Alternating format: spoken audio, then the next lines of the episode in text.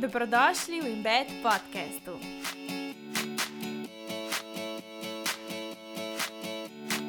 In sicer, ne glede na to, ali si poročen ali živiš na koruzi, imaš ti iste pravice. Mi nimamo popolnoma nobene pravice, če smo mi v klasični prodajalni kupali, če z blagom ni nič narobe. Živijo in lepo zdrav sem skupaj, moje ime je Klara in sem vaša gostiteljica.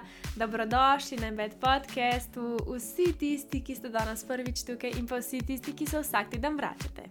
Jaz bi tale začetek današnje epizode rada izkoristila, da nas v bistvu vse, tudi sebe, spomnim, zakaj je tako pomembno, da se vsak teden vračam, da vsak teden nekako sem odprta za odkrivanje različnih tematik, področji svojega življenja, mogoče tudi tistih, v katerih najrajši po eni strani ne bi rada vedela, oziroma tako me je strah sploh pogledati. Pa ne bo to, ne vem, finance, pa ne bo to glede spolnosti, glede ne vem, svojega telesa, samo podobe, ali pa recimo današnje teme, prava.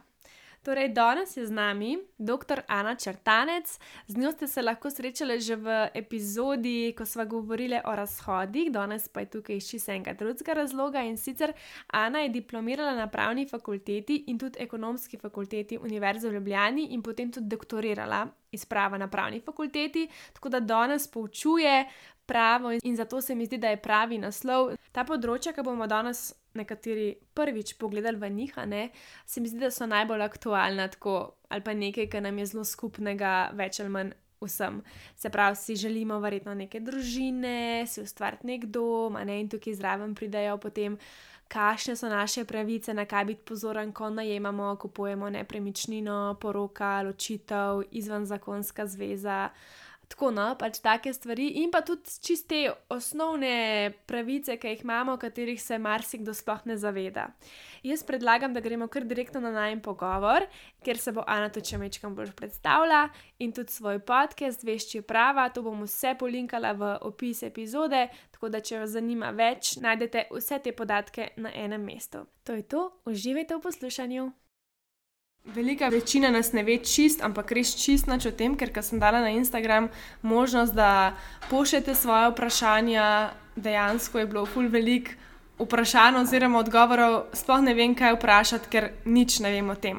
In jaz tudi iskreno ful premalo vem o tem, vem samo, kar se tiče mogoče posla, podjetništva, ker sem se mogla zelo v zadnjih parih letih malo bolj posvetiti temu, ampak če ne bi bilo tega, pa iskreno tudi ne bi prav nič dozvedla. Tako da danes je z nami Ana. Živijo. Živijo, hvala za vabilo, Klara, ponovno. Ja, te spet videti. Ja, enako. In uh, jaz predlagam, da se kar mečken predstaviš našim poslušalcem, sicer si se že enkrat, ampak je bilo za neko drugačno temo, danes pa še mehko v drugi obliki. Ja, torej, um, po izobrazbi sem doktorica pravnih znanosti, tudi diplomirana ekonomistka, rada združujem več strasti. Uh, in moja pot me je zanesla, da že deset let poučujem na fakulteti. No, in pred kratkim, oziroma marca, sem se pa odločila, da um, to mi ni dost in bi rada svoje pravno znanje delila tudi z nekim širšim krogom občinstva. In tako da, da sem se odločila, da sem lansirala podcast, imenuje se Vešči prava, kar pravo se nekako tako reče. Če poznaš pravo, to pomeni, da si vešč prava.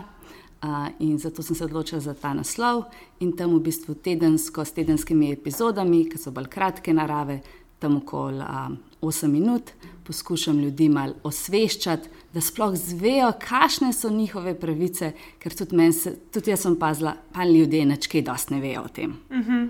Ja, tudi zaradi tega, ker se mi zdi, če greš brati, sploh ne veš, kje iskati, kaj iskati, je Google dovolj, ne, kje sploh poiskati informacije in cela zmeda in tiska bereš, sploh ne veš, kaj bereš. Tako da sem fulj vesela, da se danes temu v bistvu posvečava. In da mi ti mogoče najprej povej, kako se sploh lotiti tega, če imaš nek problem, ki najdeš informacije. Ja, to je ful velik problem, ker če ti ne veš, kako sistem deluje, če ne veš tistih osnov, ki jih jaz poskušam ljudem dati, sploh ne veš, kako bi se lotil zadeve. In sicer, tista osnovna stvar, ki se jaz doskrat srečujem, ljudje sploh ne vejo, da vse okoli nas je pravo. Naprimer, greš na avtobus, sklenaš pogodbo prevozno pogodbo. Uh, nekdo ti da robček, skleneš darilno pogodbo. nekdo ti posodi dežnik, skleneš posojilno pogodbo. In vse okoli nas, vse okoli nas je obvladano s pravnimi pravili, ampak če ni tega konflikta, mi v bistvu sploh ne vemo, da v bistvu vse to je regulirano v pravu. Mi začnemo premišljati v pravu šele takrat, ko pride do konfliktov. In to je tista stvar, ki je najbolj narobe. Mi bi mogli že preventivno vedeti, kaj, kaj vse je možno, ne pa šele takrat, ko prijajo kakšni problemi. In tako da zdaj, kako se to lotiti? Ja, sreče ta nas stric Google, ker je dosti pameten. Če približen vemo področje, lahko tipkamo ključne besede. Naprimer, če nas zanima ločitev, napišemo ločitev, pa zakon. Recimo. Tako, neko ključno besedo probamo pomisliti, kaj bi bilo, utipkamo in ponavadi so zadetki, ki so, ampak teh zadetkov je ogromno. Zdaj, kako boš vedel, da je to to?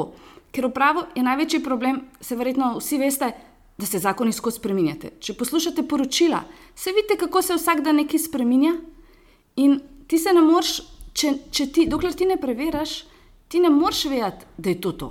Ja? Treba je v bistvu znati, kako najti sploh tisti pravilen predpis, ker zadetkov bo ogromen. In zdaj, kaj narediti? Srečno imamo strani države, neko spletno stran, ki se imenuje PISRS, torej Pravno-informacijski sistem Republike Slovenije, in tam so objavljena tista zadnja besedila. In tam greš pogledat, ko seveda najdeš ti zakon, ki velja za te.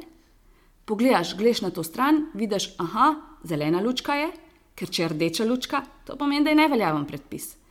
Meni se je že dostakrat zgodilo, da so študenti delali po predpisih, ki že 10 ali pa 20 let niso več veljavni. Kaj mi je to Google povedal ne? in so mislili, so celo seminarsko naredili na podlagi nekega neveljavnega zakona. Ne? Uh -huh. Pa ok, to je seminarska, ni panike. Ampak kaj pa, če se na ti svoje pravice zanašaš na podlagi tega in ne vem, zamudiš za tega rok, za kakšno pritožbo ali pa karkoli to je pa že bistveno večji problem. Ne? Tako da vedno je na to spletno stran, preveriti zakon, in seveda potem pa nekaj časa traja, da se ga sploh naučiš brati. Ja, vse to, kaj to, se mi zdi, da je dosti nejasno vse skupaj pač nekomu, ki se s tem ne ukvarja, ki ne se nikoli ni šolo v tej smeri in tisto, kar bereš, še prijem začneš ti že vse mine, če si iskreno. Terminologija pravna je ful težka. Um, čist uporabljajo se neke čist, čist druge besede, kot naprimer um, v, poljubni, v poljubni literaturi, in se je treba kar zelo prevaditi. Tako da, če nisi zihar, da je to res to, to um, se lahko kar hiter. Naprimer, že en tipičen primer, ki sem ga imela na podkastu, plomba.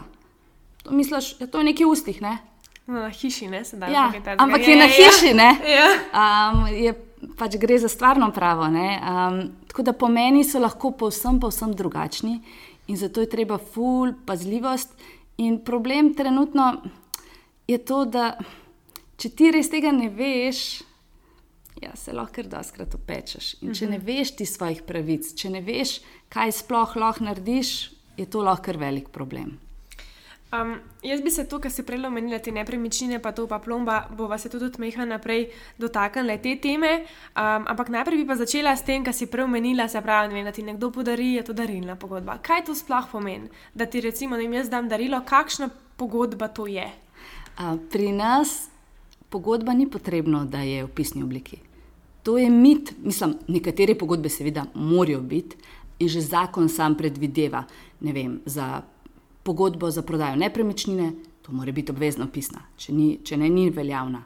Um, ne vem, če imamo kakšno potem gradbeno pogodbo, to tudi obvezno mora biti pisno.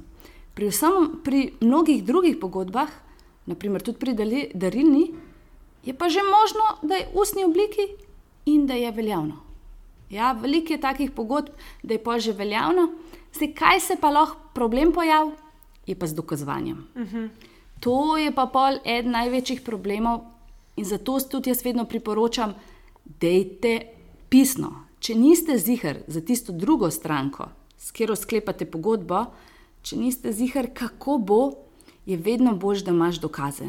Vse je ok, če se z nekom menaš, ko veš, da bo zihar spoštoval to, kar se dogovorita, super. Če pa nisi zihar, pa mogoče misliš, da bo, mogoče bo prišlo do spora, mogoče bo treba celo iti na sodišče. Če je na sodišču ena beseda, proti drugi besedi, je to zelo težko. Zdaj, komu bo sodnik verjel? Um, zato v takih primerih je vsekakor bož, da je vse v neki obliki, v pisni obliki, naprimer, uh, kljub temu, da je veljavna že tudi, če je ustna. Uh -huh. um, pa bi rekla, da recimo, uh, je dokaz dovolj, ne SMS ali pa mail. Kaj dejansko je dovolj, da je dokaz? Lahko, mislim, tudi to je ena oblika, se konec konca tudi ustna beseda je že dokaz. Ne? Zdaj, aj dovolj. To bo pa na koncu vedno beseda sodnika oziroma sodnice v tistem postopku, ki se ji bo zdel, da je to že dost, ali v bistvu ni. Um, ni zdaj, da bi bilo, pri nas nimamo tako, da bi bili eni dokazi bolj pomembni od drugih. -huh. Na koncu je vse presoja, če pride, seveda, vedno upamo, da ne pride, ampak če pride do sodnega postopka, je vedno tista zadnja beseda tistega, ki odloča o tej zadevi. A pa je recimo to, kar v kakšnih teh filmih, ali pa ne vem, kaj se pa, ki grejo na sodišče, ne vem, ta, uh, kako se že imenuje, ta Harvey Specter. Ja. Suits. Ja. Ja, ja. No, recimo, ki ne morejo uporabiti enega dokaza, tega, ker je bilo pridobljeno na ilegalni način ali pa nekaj. Ja, seveda, to obstaja v kazenskem postopku. Tudi pri nas imamo v veljavi, da če so kakšni dokazi pridobljeni na nelegalen način oziroma na nepravno nedopusten način, seveda se pol izključi. Tudi če bi, na primer, dokazoval krivdo nekoga, se ga, ga sodnik v postopku ne sme upoštevati. Kaj to recimo nelegalen način, da jaz nekomu prisluškujem in posnamem? Ja, če je nedovoljeno prisluškovanje, če nismo imeli podlage, če ni sodišče odredil um, nekega dovoljenja, da se lahko to prisluškuje, bi se zaradi tega lahko izločali. Ja. Kljub temu, da on potrdi vse, kar se ti to pa ne šteje. Ne, ne šteje. Noro. Noro, ok.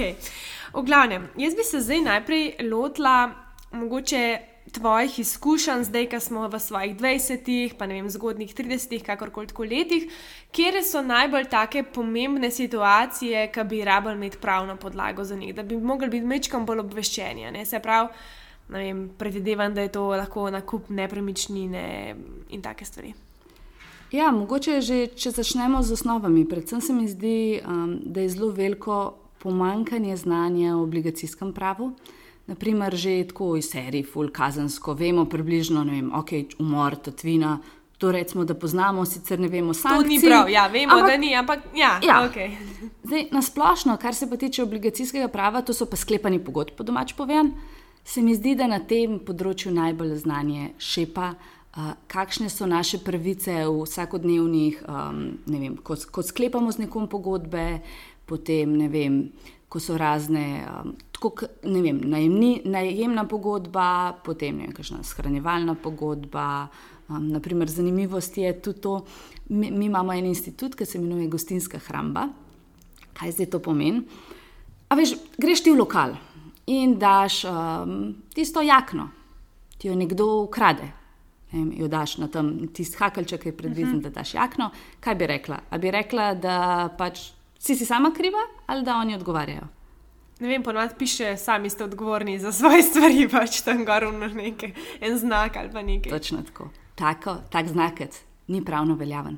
Ni. Ne.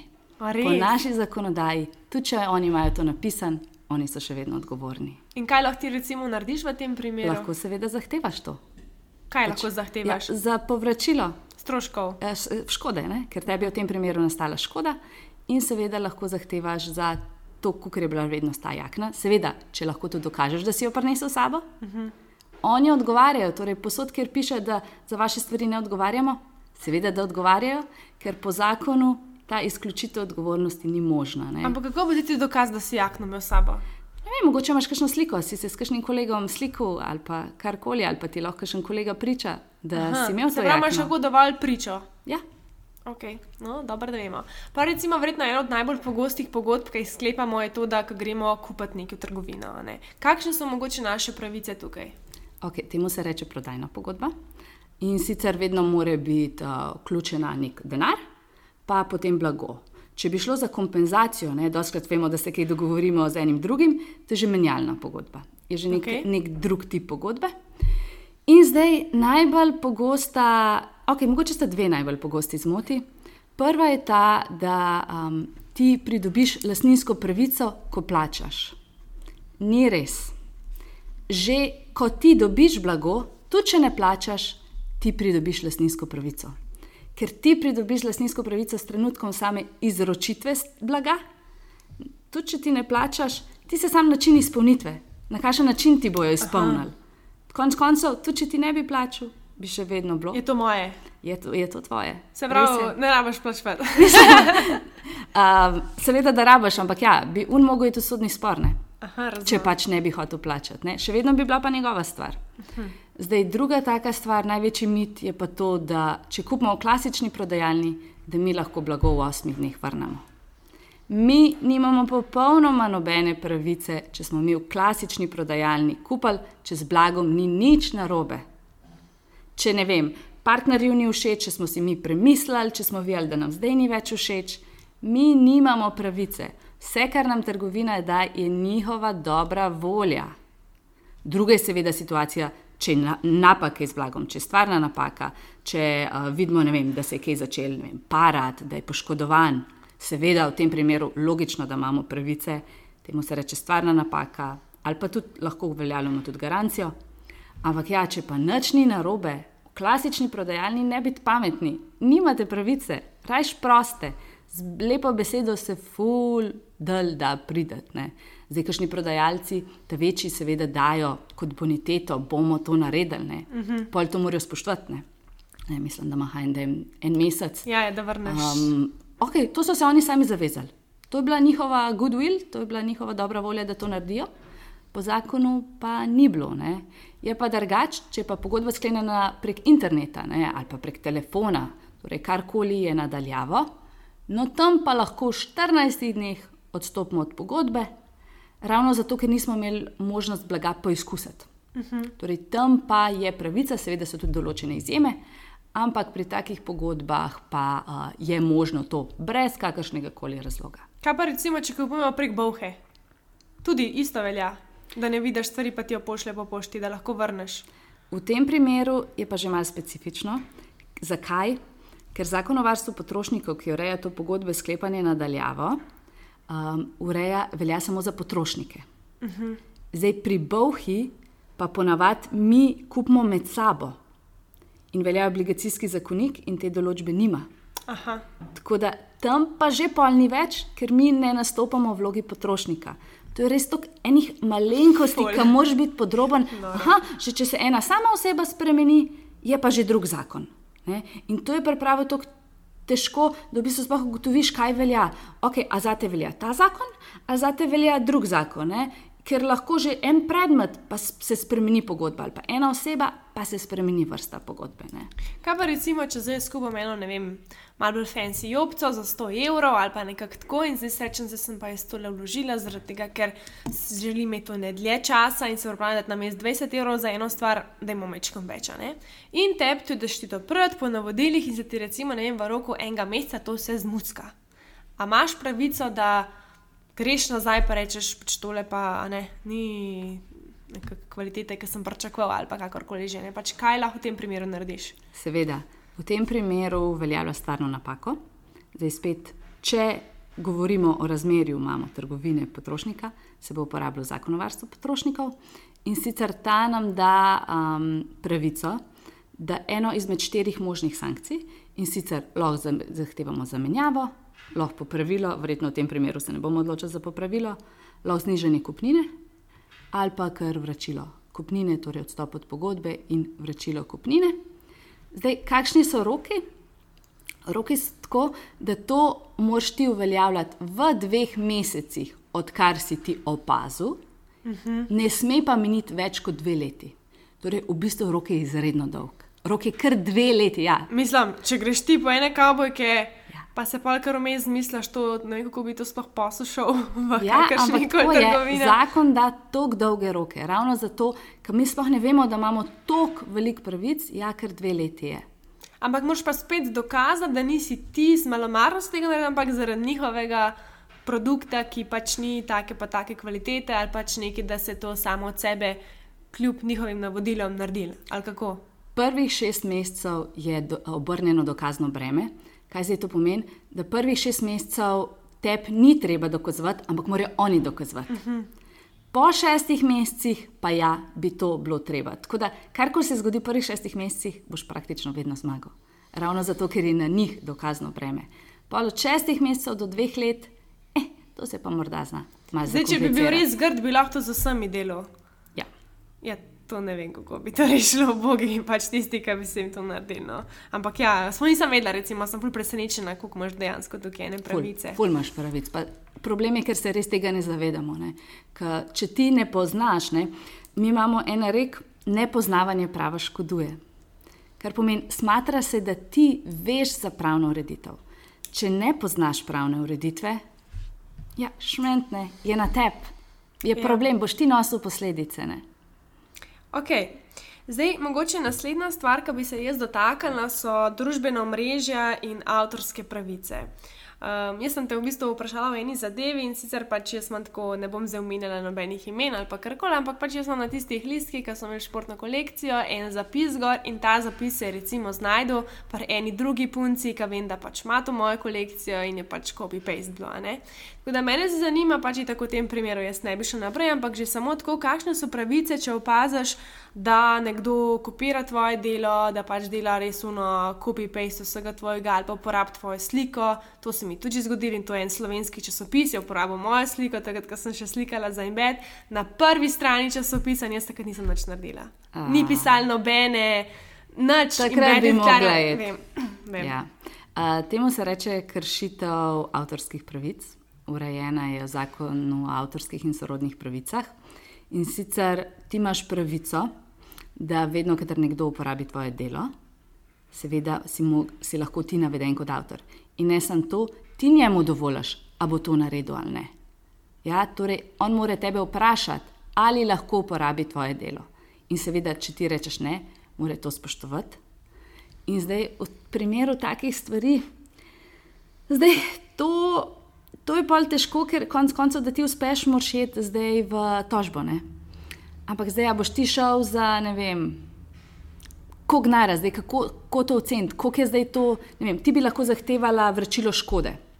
Recimo, da je tepnika premoženska ali pa nepremoženska škoda nastala. Ne nepremoženska bi bila, če bi se ti čutila zaradi tega prizadeto. Kako je zdaj to vredno? A je to vredno 200 evrov, 300 evrov, 400 evrov? 5 urjev. 5 urjev. Pol bi mogla ti dokazati, koliko je to tebi vredno. Ne vem, si imela kakšne psihične bolečine. A si mogla iti do psihiatra zaradi tega? Ne vem, pa se vse to dokazuje. Ne? Ali pa naprimer premoženska škoda. A imaš ti zaradi tega izgubljen dobiček? Ali pri tvojem podjetju zdaj zaradi tega mu gre slabš, ker je nekdo uporabil to sliko? Pa, oziroma, ne bi ti, če ne bi bilo te uporabe slike, imela bistveno več. Ne? In to so potem vse primeri, ko naprimer, če pride do kakšne kršitve, se v postopku uveljavlja škoda. Seveda lahko zahtevamo tudi, da oni to nehajo, da, ne vem, da to sliko izbrišajo ali pa da ta napis dajo stran, To je ena, ampak za nas je bistvena škoda. Ne? V mojem primeru, da bo to na tiskanem časopisu na prvi strani na veliko slika, moja, ki sem jo slikala za embed, takrat je bila, ne vem, mislim, da je bila Indira Gor, njo so napisali, da je mojih avtorskih pravic za moje delo pa pač nikjer ni, tako tega ne bi mogli zbrisati. Ampak, ker recimo mene že sama ena stvar, ki me je takrat zadržala nazaj, bila itak to nevednost, ne neinformiranost, da nisem imela sploh pojma, kaj kaj so moje pravice in tako naprej. Po drugi strani se nisem hotela tega iti samo iz neke, da bom toliko energije v to dala, ker pač me bo sam nazaj držal in to lahko traja zelo dolg čas. In pa tudi, kako bo šlo to cenovno, kaj če jaz ne uspem dokazati in so potem vsi ti stroški name. Ne? Mogoče bi se tukaj dotaknila tudi teh. Cen, ki pač ni tako, verjetno spet odvisno, komu greš, ampak čistko splošno. Če jaz hočem iti k nekomu popravni na svet, kakšne so cene, ali gre to na uro, ali gre to na glede na svet, pač kako je to. Okay, ja, to, je, to je cela uh, komplikacija glede tega.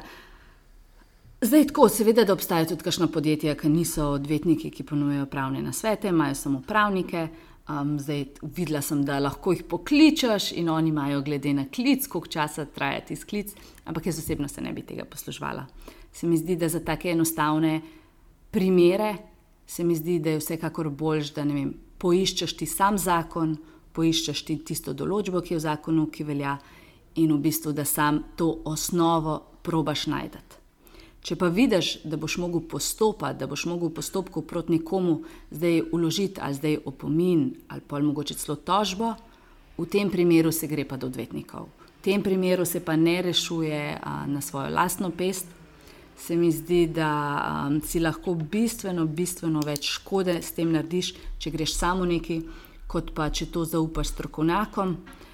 Zdaj, kakšne so, kakšne so cene, ful odvisno. Spet vsak, vsak ima neko svojo tarifo, gre na uro, večinoma. Večinoma pri teh največjih, najbolj prestižnih se gre na uro. In to in... je koliko? 100-200 evrov. Ja, 100-200 evrov, ja, nekako tako. Ja. Um, so, take, so take cene. In zdaj, kaj je bistveno za te v sporu? Tu, če ti zmagaš, sodišče ti bo, pov, um, druga stranka ti bo mogla povrniti to, kar je po sodniški tarifi.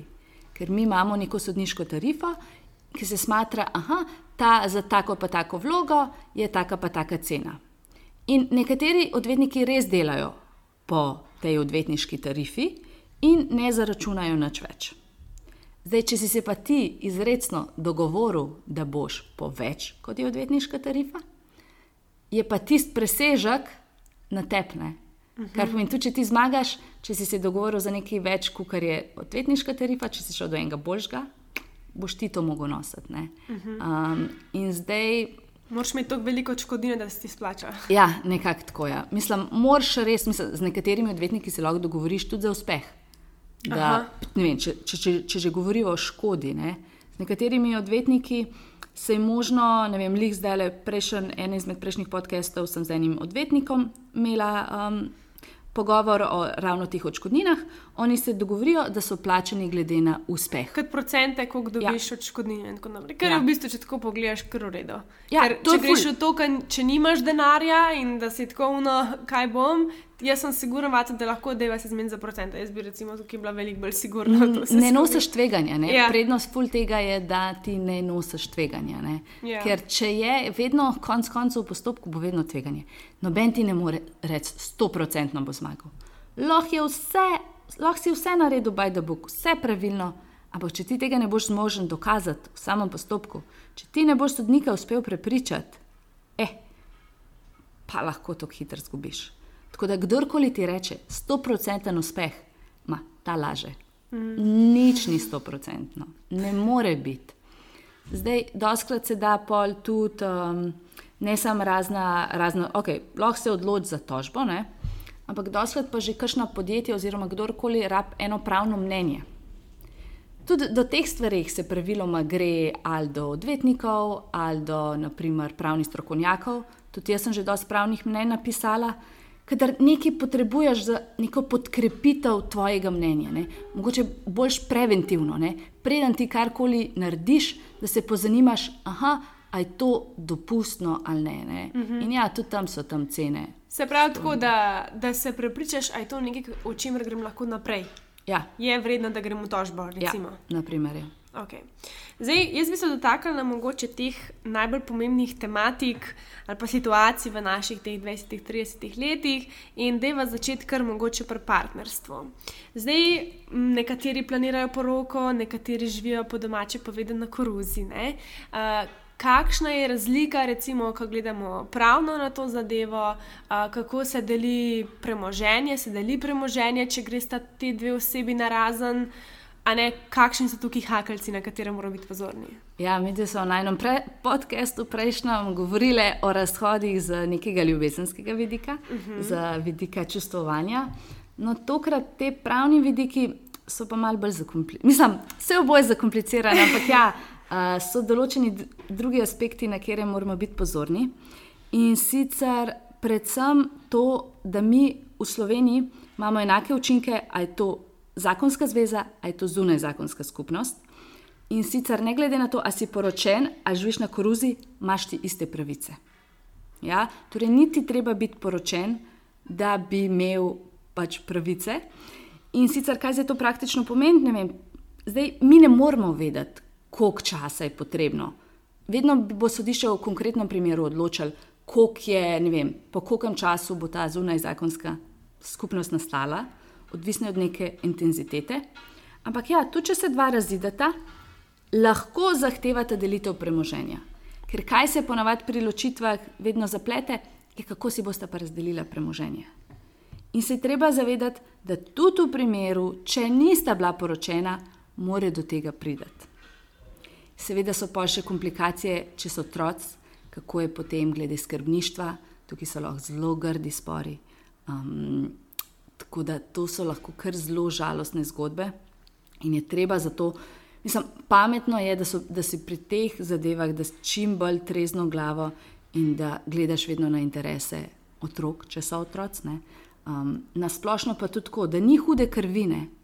Mogoče, odkar je možno, par let je možna uh, predporočna pogodba, odkar je možna, mogoče ni slabo, da se partnerja že vnaprej o tem dogovorita, oziroma tudi mogoče pred poroko, da že vidita, kaj je premoženje enega, kaj je premoženje drugega, seveda tisto, kar, kar je pred tem začetkom skupnosti, ti so stane tisti osebi. Ne? Vse, kar je pa pol v skupnem premoženju, se pa potem praviloma deli, deli na pol, Zdaj, razen seveda, če so kakšni drugi dogovori. Se pravi, iz pravnega vidika bi rekla, da se je pa kar fajn vseeno, kljub tisti ljubezni, nekim sanjam pogovoriti, sploh o financah in o teh stvarih, kako bi se, kaj bi se zgodilo, če bi se zgodila, ne, da sta nekako na isti na isti valovni dolžini, ne, kar se tega tiče. Ja, vsekakor. Se mi zdi, da se uh, izogneš fulj številnim problemom, če že preventivno vse pomisliš na to. Ker če ne, se lahko to tako zelo zakomplicira in to so res pa lahko take razprtije, ki potem vplivajo na vse. Ne. Tako da je vsekakor boljš. Zakaj pa recimo ne, ene ločitve lahko trajajo, ne vem, koliko je najmanj ponovadi? Lahko, če je sporazumna ločitev, je zelo, zelo hiter, par mesecev in je to. to če druga stranka podpiše in ni, um, pač ni nobenega nestrinjanja, je lahko zelo hiter. Zdaj, če so pa, če so pa ne vem. So treba izvedenska mnenja, koliko je en prispeval, koliko je drug prispeval, kako je z otroki, če so pol treba še dogovori glede skrbništva, kaj je v interesu otroka. Vem, hoče mama imeti ali hoče oče imeti, oba dva hočeta imeti. Pol pa, če so treba ta mnenja izvedenska, pa, pa vse traja in traja. Tudi več let. Tudi več let. Koliko je, recimo, ne vem, mogoče primer, za katerega poznaš, da traja res dolg čas? Ne, ja, veš, nisem se nikoli tako srečevala s tem področjem, tako da to ne bi mogla reči. Ampak lahko tudi, recimo, deset let traja. Tako dolge pa ne. Hopefully. Ja. Okay. Okay. So pa, naprimer, kakšni sodni primeri, ne? pri ločitvah tako dolgi niso. Ampak, naprimer, kakšni primeri pred sodiščem so pa tudi desetletne. Zakaj? Zato, ker imamo v našem pravnem sistemu večni vojsko, vem, najprej gre na prvo stopno, pol gre na drugo stopno, potem, mislim, če se nekdo pritoži, ne, in če že s to drugo stopno ni zadovoljen, gre še na tretjo stopno. In če so kakšne kršitve človekovih pravic, lahko eventualno še na ustavno sodišče, še na, za tiste stvari. Ne. In ne vem, če sodišče ugotovi, da ni bilo ok, se umeže kdaj lahko vrne na eno nižjo stopno. Ne. Ta večsistemski način imamo ne, in zato lahko kršne tudi po deset let trajajo. Okay. Ampak to, kar so zdaj govorile, isto o tej ločitvi, misliva na obe, in zakonsko, in izven zakonsko skupnost. Ja, iste pravice so. Okay. To, kar si rekla prej o intenziteti partnerstva, kaj to pomeni? Ja, zdaj, koliko se videvata, koliko je resno. Zdaj, lahko sta skupaj vem, pet let, pa se mogoče vidite enkrat na teden. Ja, verjetno to ne bo. Ne? Zdaj, lahko je pa že vem, eno leto pa sta skupaj, pa sta vsak dan skupaj, pa živita skupaj, pa že v bistvu nastane. Uh -huh. Torej, vse je odvisno od tega, koliko je globoka ta vezana. Kaj pa recimo, ne vem, če nekdo dokazuje, da je vem, bolj moški, zdaj, če gledamo glede na zgodovino, malo pospešujem, ne mi zamer ženske, ampak tudi recimo, da bolj moški dela, ženska je pač bila bolj doma in gospodinja, uh, zdaj pa on hoče imeti recimo vse, kar je on denar prinesel, ne nekako dokazovati te stvari, da ne, jaz sem tudi pripomogla zraven in kako to oceniti. Tle se zaplete, verjetno, ne? Gotovo se zaplete, pač treba se treba se oceniti, koliko je vložek enega, koliko je vložek drugega. Seveda se lahko upošteva tudi to, kaj je ona delala doma. Ne? Ali bi bilo pol treba naročiti, ne vem, kakšno drugo pomoč ne? in se lahko upošteva, koliko je bil njen prispevek v tem primeru. Uh -huh. Ok, greva naprej, pol kar na nepremičnine. Greva na najem, se pravi najemne pogodbe in pa če dejansko kupaš svojo nepremičnino, na kjer je hakelce biti pozoren. Ok, pri najemu, najemna pogodba je ena izmed takih pogodb, oziroma če govorimo o najemni pogodbi stanovanja, mora biti v pisni obliki. Naprimer, najemna pogodba garaže, ni potrebna pisna oblika.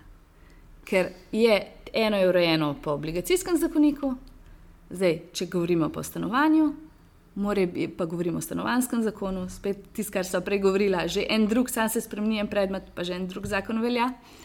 No, in pri najemni pogodbi stanovanja, ki mora biti v pisni obliki, je treba predvsem paziti na to, da se čim bolj določno opredelijo naše pravice in obveznosti. Da čim bolj ti jasno napišeš, kaj, kaj vse so tvoje naloge, zdaj, a so stroški že vključeni v tisto ceno, ali so stroški še dodatni. Kaj se zgodi, če se karkoli poškoduje, kakšno škode nosiš ti, kako naprimer potem, koliko je trajanje, kdaj te lahko vržejo ven ali je za, torej, ali za določen čas, ali za nedoločen čas. Ne? Treba je te vse osnovne stvari čim bolj natančno opredeliti, da se zminimizira možnost spora. Ker če je pogodba dobro napisana, potem je možnost spora ful, ful manjša.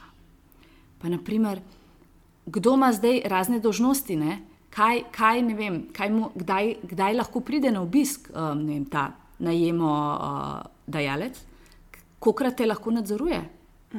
Kakš, kakšne so te? Ne? Te pravice so v glavnem že vse dane po zakonu, ampak je fajn, da če se želimo karkoli drugače, kot je v zakonu, moramo mi to speci specificirati. In zdaj mogoče je še ful pameten pri teh postopkih. Mi pri večini pogodb, mi se marsikaj lahko dogovorimo drugače, kot določa zakon. Zdaj, če se pa mi ne dogovorimo drugače, obvelja pa zakonska ureditev ker ljudje doskrat pozabimo, ne? se niti ne pomislimo na vse možne vidike in tisto, kar ne bo dogovorjeno, bo obveljalo tako, kot je v zakonu. In zdaj, naprimer, ved, treba je vedeti, da začasno prebivališče je tvoja obveznost, da ti prijaviš. Si ti v prekršku, če ga ne, ne, je tvoja obveznost, zdaj, kar se pa tiče za davka, ne, tudi od tega se plačuje davek, je pa obveznost tistega, ki oddaja stanovanje. Uh mhm. -huh. Zdaj, če te on ne bi, seveda je to njegov prekršek, ni to tvoj.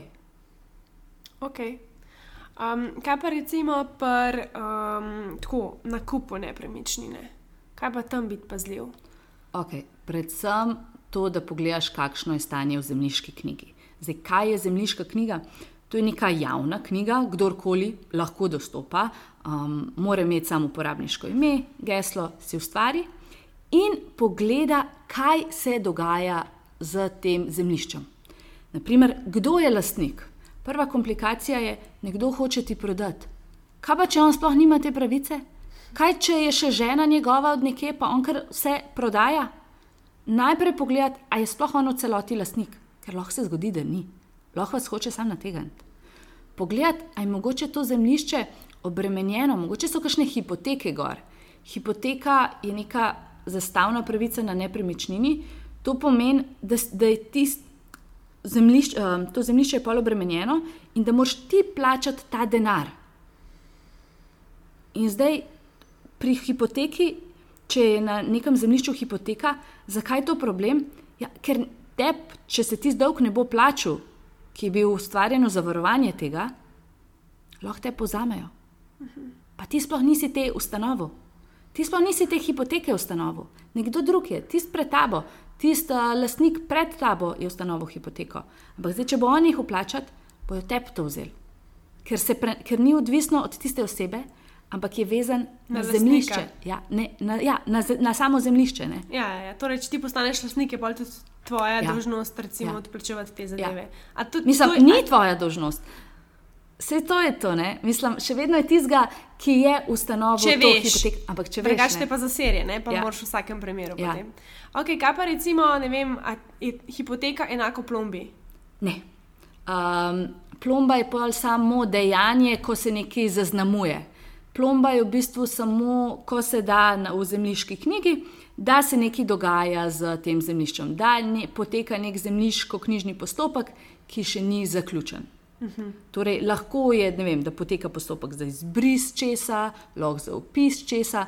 Torej, plomba ni nujno nekaj negativnega. Pač sam, da neki nek postopek tek, teče in v bistvu moraš biti pozoren na to. Moraš paziti, da okay, je v takem stanju, da sodišče, zemljiško knjižno sodišče odloča o tem, ni nujno zdaj, da je nekaj negativnega. Kje pa recimo vse te informacije najdemo? zemljiški knjigi. Kje je zemljiška knjiga? Okay, super. Elektronsko zemljiško knjigo imamo. Okay. Kar vem, če pišemo brskalnik, zemljiška knjiga, uh, je super, ker imamo, odkar je internet, lahko pogledamo elektronske oblike. informacije. Tako kot sem rekla, sam se prijavi in se vidi vse tam informacije, tudi če so mogoče kakšne služnosti. Zdaj, kaj je služnost? Um, služnost je, da lahko, naprimer, ti hodiš po nekem tujem zemljišču. Če si se z nekom zdaj dogovoril, ali pa mogoče ti je bila celo po zakonu priznana, neka nujna pot, in potem je na zemljišču upisana ta služnost, lastnik tega pa tega zemljišča lahko hodi po našem zemljišču. Okay, In zdaj, če mi nočemo, ali pa ne vem, raba stanovanja, ta pa ta lahko rabi to stanovanje. Lahko hodi mimo, da pride do stanovanja. Ja, ali pa celo uporablja. Različne vrste služnosti imamo. Imamo ne, stvarne služnosti, osebne služnosti. In je fajn vedeti te stvari, ker vse to obremenjuje našo lastninsko pravico, mi smo zaradi tega omejeni. In zato je vedno fajn se pozanimati. Ali pa fajn je tudi, da pogledamo, ali je tisto, kar nam prodajalec zatrjuje, res res. Ali k stanovanju spada tudi parkirni prostor. Ali si je mogoče kdo to zmislil. Ne? To imamo pa zato na, um, tale, um, na geodetska uprava, ima prostor, te, se imenuje portal, se imenuje prostor. In tam pogledaš, aha, upišeš sam naslov, številko, a ne vem, držaška dve, upišeš, aha, ok, k temu, ne vem, a, stanovanju spada to, pa to, pa to. In je v bistvu full fajn, kaj lahko res pregledaš, aha, a to dejansko spada ali so se mi zlagali. Mm, pa isto, recimo, verjetno za zemljišče je zazidljivo, ni zazidljivo, za kakšno rabo se gre, vem, da se je kdaj tudi lahko zgodil, sploh takrat, ko ni bilo neta, da je en prodal, pa v resnici sploh ni bilo zazidljivo. ne? Točno tako, to so ful problemi. Ker ja, seveda ti lahko prodaš, ne? se je to če ne zazidljivo, sam pa se drug nasanka, ki pa ne Ja. bo mogel tega delati. Ne? Ja. In to isto preveriš v Ja. zemljiški knjigi. A ne, to preveriš na ta go, Aha. na prostor. Ok, super. Aj mogoče še kaj tacga, ki bi rada danes omenila v podkastu, da se dotaknemo še kakšne teme posebej. Um, mogoče, kaj bi bilo še kaj tazga? Uh, predvsem to, da pri sklepanju pogodb um, je treba res ena velika pozornost. Ne? Da že naša ena sama beseda, da rečemo ja, je v bistvu to že dost. ne. Um, vedno premisliti, preden karkoli rečeš, zato ker nas te besede nas res zavezujejo. Ne? Se včasih rečemo, a ja, se si lahko premisliš, se ni panike, itak sem premislil.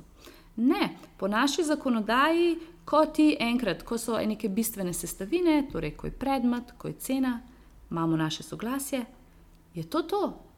Okay. Ne moreš ti kar zdaj pa reči, zdaj grem pa ven, zdaj grem pa ven iz pogodbe. Ne, ko je enkrat sklenjen, te zavezuje. Zdaj, kaj se doskrat zgodi? Doskrat je druga stranka pripravljena, manj je vse v redu, vse ni panike. Ampak zdaj pa, če ne naletiš na tako osebo, ja, pol je pa mal večji problem. Ne? In tako da v takih primerih jaz vedno svetujem neko pazljivost in zdaj mogoče predvsem to, um, kadar, bo, kadar boste v dvomih, kaj, a lahko ali ne, ne verjeti člankom. Ne verjeti člankom, vedno preveriti v zakonu.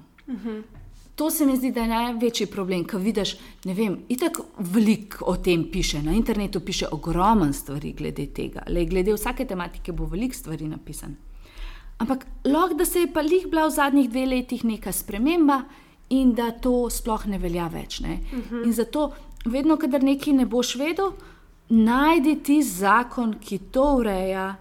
In ne verjeti, sploh boh ne da kakšne Wikipedije ali karkoli, ker je poln neumnosti tam. Pač to lahko vsak dopiše, ne?